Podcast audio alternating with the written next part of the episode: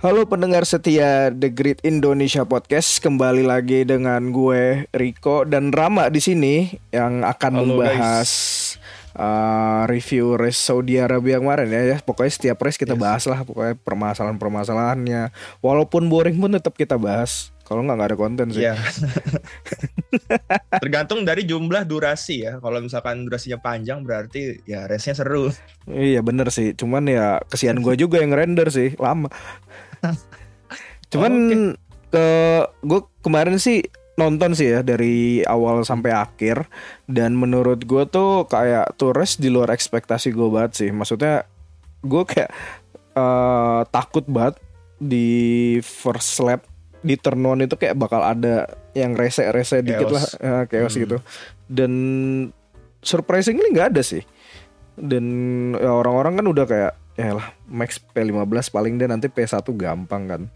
Cuman ya kalau kita lihat kemarin gap antara teammate-nya pun juga konsisten gue bilang dan Max sendiri juga punya masalah dengan drive shaft-nya eh, Drive drive shaft lagi kan. Mm-mm, dan kita bahas juga Alonso tetap dengan performa samanya, konsistensinya juga dan masih happy-happy juga ya. Masih bisa shit post di Twitter maupun di Instagram. Menurut lo gimana Ram? Eh, apa nih eh, GP Race kemarin? kemarin ya. Ke- overall ya kalau misalkan kita ngomongin race kemarin itu eh ya secara memang membosankan ya kalau dibanding dari eh, race-race sebelum-sebelumnya gitu. Bahkan tahun 2022 menurut gua masih lebih seru dibanding yang kemarin tahun 2023 ini. Cuman eh, titik apa namanya ya? Titik entertainmentnya itu adalah Max Verstappen ya yang P5 eh, P15 eh, sampai P2 itu eh, bener-bener apa ya? Titik entertainmentnya di situ dan juga duel antara Checo dan Alonso ya walaupun Hmm, di menuju 3 per 4 eh, terakhir balapan Alonso emang udah gak ngelawan emang udah hold position Hmm, dan juga hmm, apa ya namanya ya? Eh, itu aja sih ya, apalagi ya masalahnya ya. Kalau Iya. ngomongin McLaren Ah, ya udah McLaren usah is dibahas just- deh itu. is the new Williams lah ya. Williams. ya benar-benar tuh Williams. udah udah aneh lah pokoknya kalau bahas McLaren Iya. udah Heeh. dari tahun 2022 aja Hmm. mobil udah nggak ada ya upgrade yang signifikan udah buang driver Hmm. aja habisin duit sama aja ternyata emang permasalahan Hmm. bukan di driver di mobilnya di mobilnya, pengomongan mobil. Tapi kalau misalkan kita ngomongin GP kemarin ya, Hmm. titik dramanya ada ya, walaupun eh, di post race dan itu yang ngeribetin kita ya, ngeribetin desainer kita untuk eh, posting karena berkali-kali revisi ujung-ujungnya hasil Iya, yang nah. pertama yang bener aduh. tuh Bener-bener ya aduh, nih bener. FIA. Iya itu juga permasalahan yang sering kita lihat juga sih ya. Maksud gua gua ngeliat Hmm. permasalahan utama FIA itu kan muncul itu pertama kali di tahun 2021 ya, pas akhir-akhir uh, race season 2021 di mana kemarin tuh yang sempet ribut Apa tuh? ya Abu Dhabi. ah, ah, di Abu Dhabi. Itu kan udah Oh. mulai munculin banget kan konsistensinya gimana. Terus Sebenarnya sebelum di- selama musim sebelum-sebelumnya juga ada aja sih kontroversi aja ya. FIA. Cuman ada, kayak- selalu ada. Uh, sparknya gitu ya apinya tuh mulai emang dari situ sih. Mulai orang-orang tuh nggak percaya dengan FIA dan kayak dikit-dikit mafia dikit-dikit uh, ya Mercedes Association apalah gitu bilang kan. Terus ya ganti 2022 yang di mana Red Bull kena budget ini kan over budget cap kan. Terus diringanin dengan pengurangan waktu wind tunnel dan denda ya kan. Terus orang-orang kayak bilang ya ini mah dibayar Horner ini. Masa iya duit paling gede nih paling over itu di catering kan? Dan ya mulai lagi tuh di situ kritiknya kan ke FIA kayak nggak kons eh, sebutannya apa ya? Nggak bisa dipercaya lah jadinya sama fans. Benar-benar nggak bisa. Ya konsisten ini. Hmm, Eh, ngasih cuman kalau penalti kita ngomongin ini kan kita ngomongin race kemarin ya, di Jeddah ini. Jadi ya memang agak lucu sih sebenarnya FIA ya untuk Hmm. eh, butuh selama itu untuk eh, nilai bahwa Alonso ini gak sepenuhnya melakukan prosedur 5 second penalty dengan benar di pit stop gitu loh. Hmm, Bahkan eh, untungnya Aston Martin eh, banding ya dan eh, ada video apa namanya? Ada video pembuktiannya, video evidence di mana uh, uh, jika uh, jack belakang atau dongkrak belakang mobil itu nyentuh itu nggak pernah kena apa ya nggak pernah dipermasalahin lah intinya di sebelum sebelumnya hmm. cuman baru musim ini aja dipermasalahin dan juga akhirnya uh, mereka men akhirnya mereka mencabut penalti 10 detik untuk Alonso dan Alonso akhirnya kembali ke podium ya Iya agak meme banget sih. Uh, setelah sebelumnya George Russell udah ngambil piala lagi ya. Iya udah di pos pula kan. Udah di pos emang bener-bener harusnya mm -mm, harusnya driver udah team meeting atau uh, post race meeting sama uh, media atau sama uh, timnya ini malah ngurusin piala doang gitu loh ini agak-agak apa ya namanya agak lucu sih sebenarnya kalau misalkan kita kalau secara sekelas FIA gitu loh hmm. Betul betul. Emang kemarin tuh sempat bikin emosi juga sih. Maksudnya ya pertama memang incorrect start position ya. Yang di mana dia agak itu meleset. jelas, kalau, itu jelas, itu jelas. terus akhirnya yaudahlah kita uh, comply lah. Kita uh, serve the five second penalty. Dan yeah. uh, beberapa kali juga gue kayak ngeliat nih bakal kayak Alpin gak ya? Pas dia apa namanya ngelakuin ya time penaltinya itu di dalam pit kan terus hmm. udah tuh jalan nggak ada omongan kan balapan balapan balapan terus diinvestigasi ya, lagi akhir. ya kan investigasi tapi itu lama banget baru akhir loh baru akhir iya. baru akhir di mana waktu itu kan gapnya Alonso sama Russell kan sekitar 4 detik kan ya hmm. 4 detik dan baru dikasih tahu tuh kalau misalkan itu diinvestigasi dan berpotensi dapat penalti another 5 second penalti lagi buat Alonso. Dan akhirnya si Alonso langsung ngepush kan sama uh, apa namanya uh, langsung ngepush dan memperlebar jarak ke Russell sekitar 5,5 apa 5,6 detik gitu.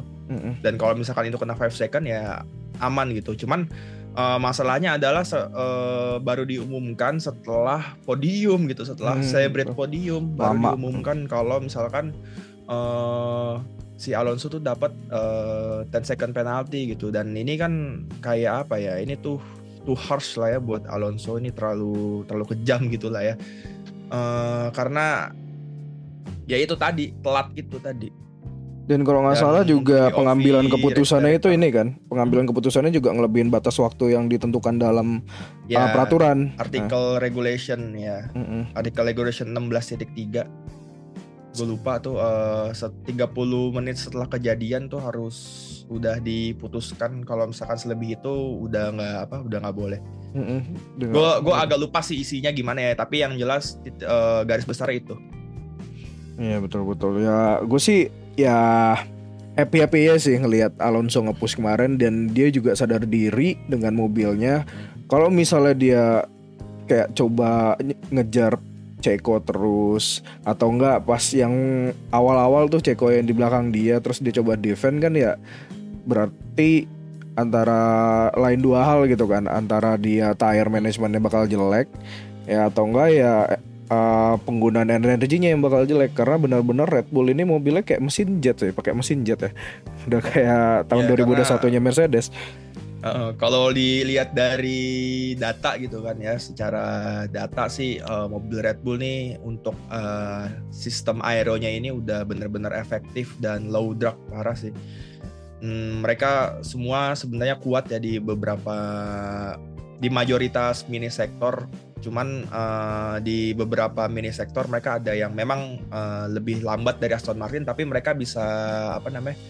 Mereka bisa ibaratnya mengganti kelemahan itu di mini sektor yang lain gitu loh. Mm -hmm. Dan uh, ya memang uh, salah satu selain mobilnya yang kencang gitu, pembalapnya juga berpengalaman semua gitu. Apalagi Max Verstappen dan Sergio Perez gitu. Walaupun Sergio Perez kan hitungannya udah lama lah ya di lama F1 dan experience-nya juga experience-nya juga lumayan gitu. Bahkan Max Verstappen juga walaupun masih muda, experience-nya kan juga udah banyak. Dia udah berapa tahun di F1 ya kan? Mm-hmm, dan ya udah ini ini yang namanya uh, sinergi antara mobil dan pembalap gitu. Ditambah strategi yang bagus dari tim yang ngebuat mereka tuh uh, bakal dominan di musim ini. Dan kita tinggal tunggu aja ya siapa yang mendekati Red Bull di musim ini atau bahkan musim depan. Karena gue lihat Red Bull ini bakal mendominasi sampai at least uh, regulasi baru ya tahun 2025 berarti ya. Karena Hmm. 2026 regulasi baru kan.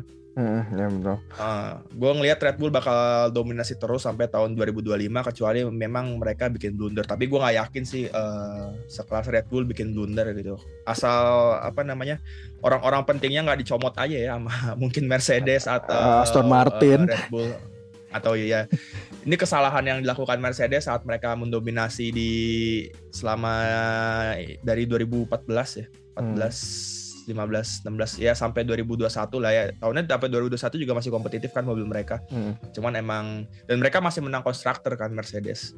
Walaupun eh, yang menang eh, kejuaraan dunia driver ya Max Verstappen. Tapi hitungannya kan 2021 mobil mereka masih kompetitif gitu. Kesalahan mereka adalah saat regulasi baru di tahun 2022 itu banyak orang-orang penting di eh, di dalam Mercedes yang pindah gitu antara ke Aston Martin atau ke Red Bull.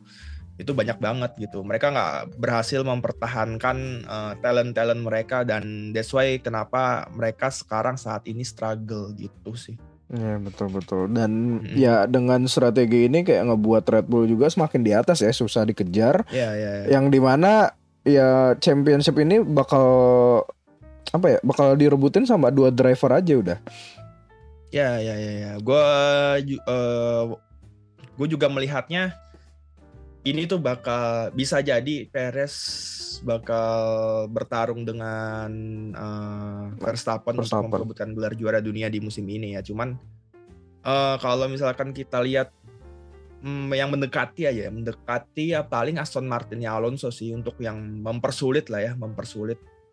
Bukan mengalahkan tapi ya mempersulit Red Bull aja gitu. Mm-mm. karena ya gue melihat ini RB19 ini udah apa ya namanya? Bahkan Hamilton pernah Hamilton kemarin bilang bahwa eh, RB19 ini mobil tercepat yang dia pernah lihat gitu loh mobil yang paling mendominasi yang pernah dia lihat gitu. Bahkan dengan mobilnya dia di W11 di tahun 2020 itu masih lebih menurut dia masih lebih kencang dan mendominasi RB19 dibilang begitu sih Hamilton. Ya dia susah ngeliat dirinya sendiri sih pas dalam kokpit sih. Makanya kan ngeliatnya pas udah atau dua, lewatin dua, dua, dua kemungkinan ya antara dua kemungkinan antara memang dia tahu karena dia bertahun-tahun pakai mobil yang cepet atau memang ya karena dia nggak bisa karena dia di kalau selama dominasi itu ya di depan nggak bisa nilai apa-apa dia. Iya makanya kan. Cuman emang uh, dari kalau misal dari sisi Ceko sendiri sih emang sih dia pengen jadi champion. Sempat juga di tweet Mm-mm. sama dia pas uh, selebrasi kemenangannya dia di Saudi Arabia kemarin. Terus tiba-tiba tweetnya dihapus kan. Terus di retweet Ah, iya. ulang. Nah ya kan. Ini kayak apa ya dia takut kali ya dengan uh, dia mengungkapkan niat tersebut Red Bull kayak Hmm. bakal sabotase dia buat Max Iya. sempat kemarin juga sama kan pas di race itu kan ada radio kayak uh, pace lu udah bagus ya kan plus 4.4 aja terus dia nanya pertama kali Max berapa waktunya ya Oh, kan? 30, 33 Iya kan? plus point four. 32.6 32.6 plus point four. Mm, ya kan terus dia kayak udah udah parno kayak ah nih tim Hmm, pengen iya, sabotase gua kan biar Max bisa deket Heeh. Dan tiba-tiba ya Max ngeradio kayak ini drive eh, apa namanya drive saver masalah lagi nih eh. Woi vibration woi engineer Tapi tolong walaupun akhir-akhirnya juga Ceko diinstruksikan untuk free to push kan ya udah jadi Iya. pas dia diinstruksikan untuk free to push akhirnya gapnya agak lumayan jauh ya 5 detik selain Max juga struggle sama drive shaftnya Iya kayak gue mikir Hmm. Drive Shaft Max ini diapain gitu sama engineer kemarin Gue kira antara diakalin ya Atau enggak diganti gitu kan. Cuman pas race juga muncul lagi permasalahannya. Atau kalau ya driving stylenya aja yang terlalu agresif Kayak Ya, downshiftnya itu. Itu salah satu penyebabnya adalah driving style. Karena kenapa drive shaftnya bermasalah? Karena Max terlalu banyak eh, ngehajar curb karena Max itu kan gaya balapnya kan ngincer apex banyak mungkin kan. Hmm. di mana apex itu kan ada banyak banget curbsnya. Jadi ya curbsnya kena gitu loh eh curbsnya kena. Drive shaftnya kena gara-gara curbs gitu maksudnya. Iya sih eh, Dan kalau misalnya kita bahas ke Aston Martin sih ya Gue udah yakin mereka udah optimis lah buat ke depannya Dengan the new wind tunnel juga kan seharga 200 juta uh, Hmm. pound sterling itu wah gue bilang fantastis banget sih. Dengan engine terbaik Hmm. juga kan Cuman gue ngeliat dari tim midfield ya dari Alpha Tauri ini Yuki ini benar-benar nge-push parah sih kemarin sih. Apalagi setelah di apa namanya tiba-tiba di overtake di detik-detik Hmm, mulai terakhir kan. Dia langsung marah tuh. Ah, aduh sedih banget gue situ. Ya mau Ya. poin dua race tuh gagal terus diambil terus. Alpha Tauri is being Alpha Tauri lah kalau Hmm. gitu. Dua drivernya juga kita lihat Yuki sama De Vries kan ya. Untuk fans Alpha Tauri sabar-sabar aja lah. Yang penting beli merchnya aja dulu deh, jangan ngarepin championshipnya dulu karena berat juga sih. Eh, lagian juga Alpha Tauri nggak ngarep championship atau apa pun sih. Mungkin mereka targetnya adalah finish untuk midfield mungkin 6 ke 7 juga mereka sebenarnya udah udah achieve target gitu untuk Alpha Tauri ya. Dan Iya, mm. untuk mm, karena Alpha Tauri ini kan salah satu eh, bottom 3 sih kalau gue bilang ya. Bottom 3 itu menurut gua bottom 3 tim ya untuk dari segi dana dan lain-lain ya. Itu Alpha Tauri, Williams sama Haas menurut gua ya. Ya sampai Um, Frastos aja tuh kayak ngomong ke media kalau dia tuh nggak percaya sama engineer ya. Bener-bener kayak distrust banget gitu loh di dalam internal dan ya orang-orang kayak iya. mulai aneh-aneh aja udah mikirnya ke mana-mana. Ya Tapi- susah susah juga sih. Maksudnya engineer engineer hebat juga pasti kan dicomot sama top 3 tim gitu kan. Atau Hmm. bahkan sekarang top 4 gitu bisa kita bilang. Ferrari Mercedes Aston Martin sama Red Bull gitu kan.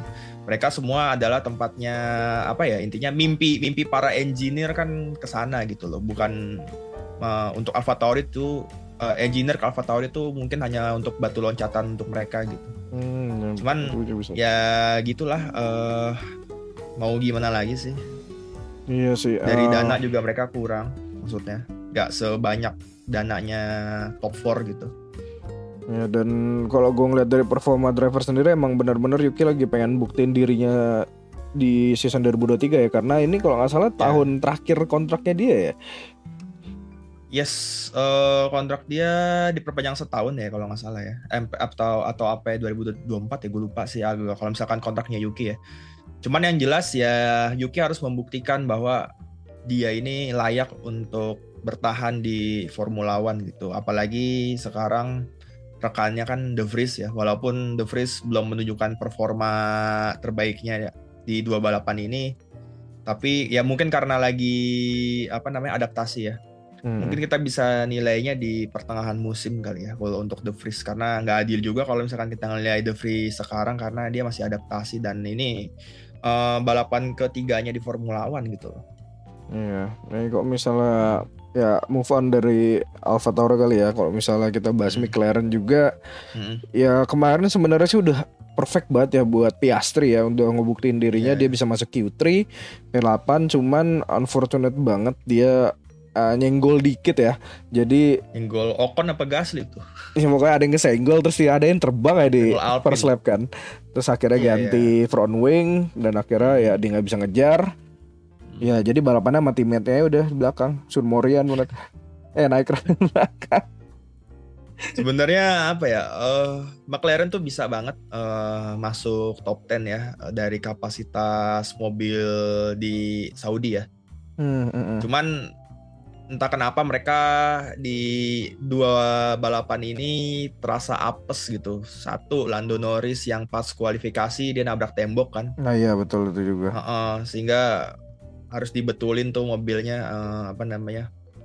Eh, dan juga si Piastri dilanda banyak masalah di Bahrain Windowsnya update di di Saudi kemarin front wingnya patah gitu. Cuman menurut gua sih harusnya ya eh, McLaren itu lebih lebih lebih sabar lagi buat nggak biar nggak langsung ngeganti front wingnya si Piastri karena eh, eh, masih ada kemungkinan untuk safety car kan.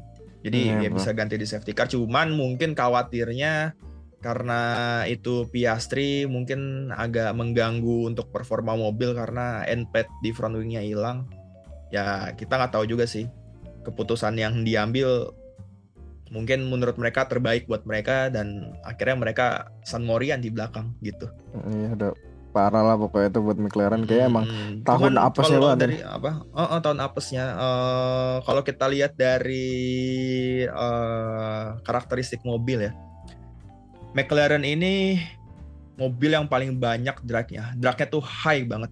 That's why mereka di lurusan uh, top speed mereka paling rendah dibanding tim-tim lainnya.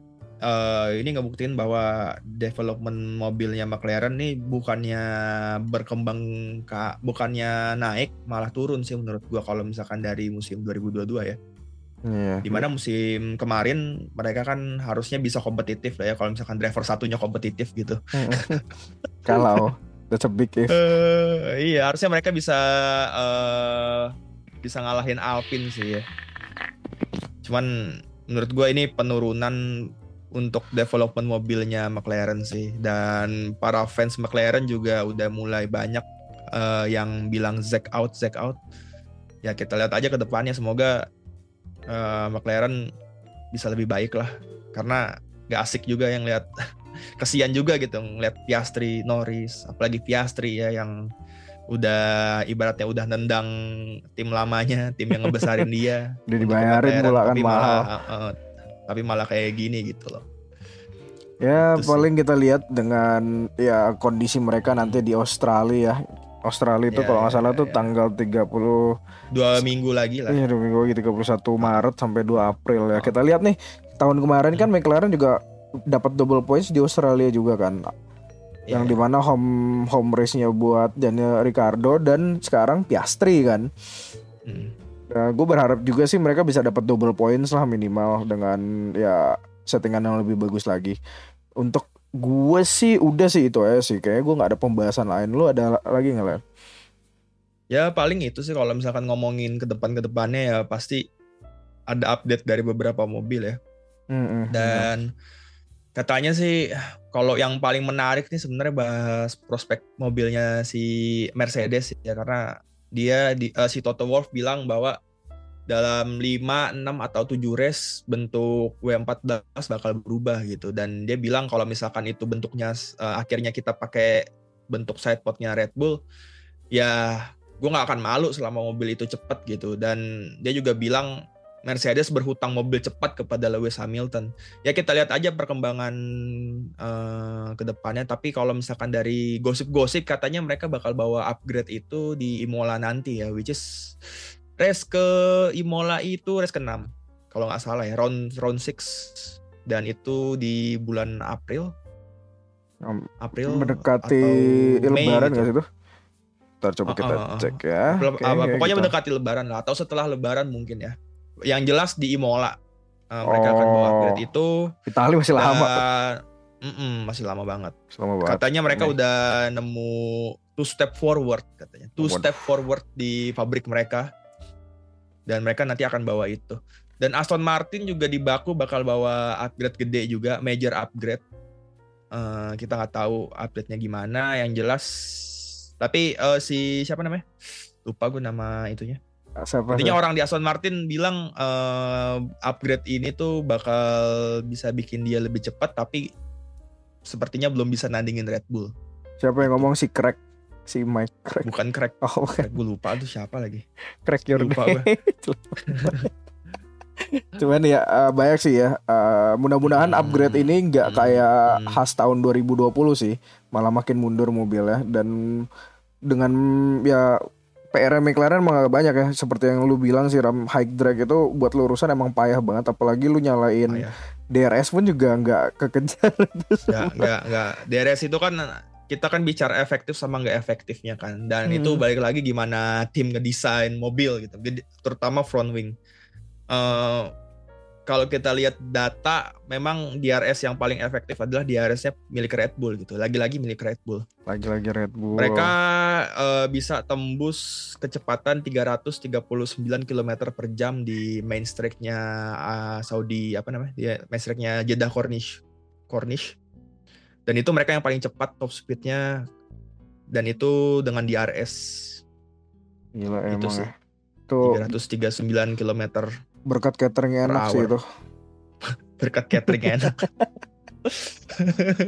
Ayo mana yang mau komen sini komen nggak takut ya Iya iya iya iya. iya. Oke. Tapi kita dari tadi belum bahas Ferrari sama sekali nih. Kayaknya nggak usah dibahas sih udah aneh soalnya. Uh, uh, soalnya uh, untuk mungkin kita bahas sedikit aja di sini Ferrari. Uh, kemarin di Jeddah Ferrari itu nggak pakai mode engine yang paling, pokoknya engine-nya tuh satu level di bawah mode engine yang mereka pakai di Bahrain. Karena Oh, apa? Takut meledak.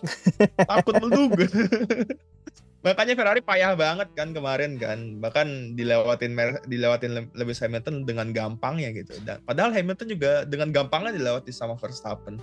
Sampai komentatornya bilang it's like uh, F1 and F2 car.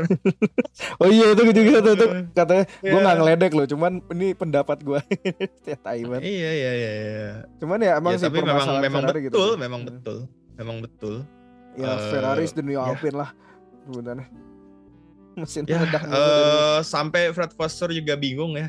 Fred Vasseur tuh bingung banget. eh mereka di Australia nanti bakal bawa upgrade juga.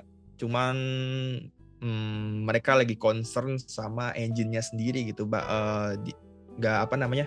nggak reliable. Mereka nggak apa ya namanya? Mereka nggak yakin bahwa musim ini bisa ngeluarin semua potensi yang ada di SF23 gitu. Karena Hmm. potensi di SF23 itu gede banget apalagi katanya mesinnya. Bahkan si Helmut Marko bilang aja mesin Ferrari itu adalah mesin paling kuat di Formula One, kedua RBPT, ketiga Mercedes dan yang keempat eh, Renault gitu kan. Cuman ya. ya buat apa kenceng kalau misalkan tidak finish. Hmm, betul betul betul. Heeh. Dan kemarin sempat blunder juga ya race engineer-nya Leclerc dengan Hmm, Safi. Hmm, You need to tell me before that, Sab. Tahu ya, juga. memang Ferrari ini lagi-lagi penyakitnya belum hilang, penyakitnya belum hilang sih gue lihat. Mungkin Iya. ke depannya bakal ya kalau misalkan menang sih gua rasa agak sulit ya Ferrari menang di musim ini. Tapi bukan berarti tidak mungkin ya. Hmm, Cuman gue bilang agak sulit aja. agak sulit. Mungkin mereka bisa melakukannya di hmm, 11 race pertengahan musim lah, pertengahan musim karena kan pertengahan musim kan udah ada upgrade dan lain-lain kan. Oh, Semoga di pertengahan 2025. musim Semoga di pertengahan musim bisa lebih kompetitif lagi lah eh, terutama Mercedes dan Ferrari ya. Mercedes eh, sekarang lagi ngejar performa kayak Aston Martin dan nanti mereka bakal kembangin untuk bisa menyamain benchmarknya Red Bull gitu. Ya bismillah aja ya. Karena Red Bull ini udah jadiin benchmark di season ini sih di, di regulasi ini sih sampai at least 2025 lah gitu. Ya. Ya mudah-mudahan nggak sakit jantung aja sih Mike Elliott nih. Dapat ultimatum terus kan. Gara-gara sampah banget ya nah, di sana. Ya kita tunggulah di Imola nanti ya. Di Imola Iya. nanti kunci dari segalanya untuk Mercedes. Ya kita berharap aja biar makin seru lah ya season 2023 ini Yes. masa iya kayak tahun 2020 bosen banget gak sih? Aduh. Aduh, udah mungkin itu aja kali ya untuk pembahasan hari ini ya. Dan untuk Yes. info-info lebih lanjut boleh banget dicek di sosial media kita di Instagram uh, username kita ada the grid f1 underscore id dan di Twitter ada. At the grid underscore ID. Nah kita kadang suka uh, pas race ini kita live tweet ya buat ngabarin-ngabarin kalian nih yang nggak uh, subscribe ke official broadcaster ya kan atau nonton link-link haram Atau cuman nge-like ya kan. gitu kan. Iya atau lagi di jalan bisa banget dicek live tweet kita nanti di Twitter ya. Dan kalau misalnya untuk Instagram sih kita nggak post untuk informasi-informasi kayak berita atau apa pun itu dan meme-meme lucu yang gue temuin di reels aja sebenarnya sama di Facebook. Yes. Dah. ya. Kita berusaha sebaik mungkin untuk memberikan kalian info terupdate ya. Mm-mm. Karena kita juga sumbernya sangat effort ya. sama meme-meme terlucu lah gue gue suka ketawa Yes. sendiri gak enak kan ketawa sendiri kan. Mending ketawa sama fans. Iya. Apalagi ngatain Ferrari. Yoi. Gila udah eh, itu aja kali ya. See you in the next race. Bye bye. Thank you semua. Bye.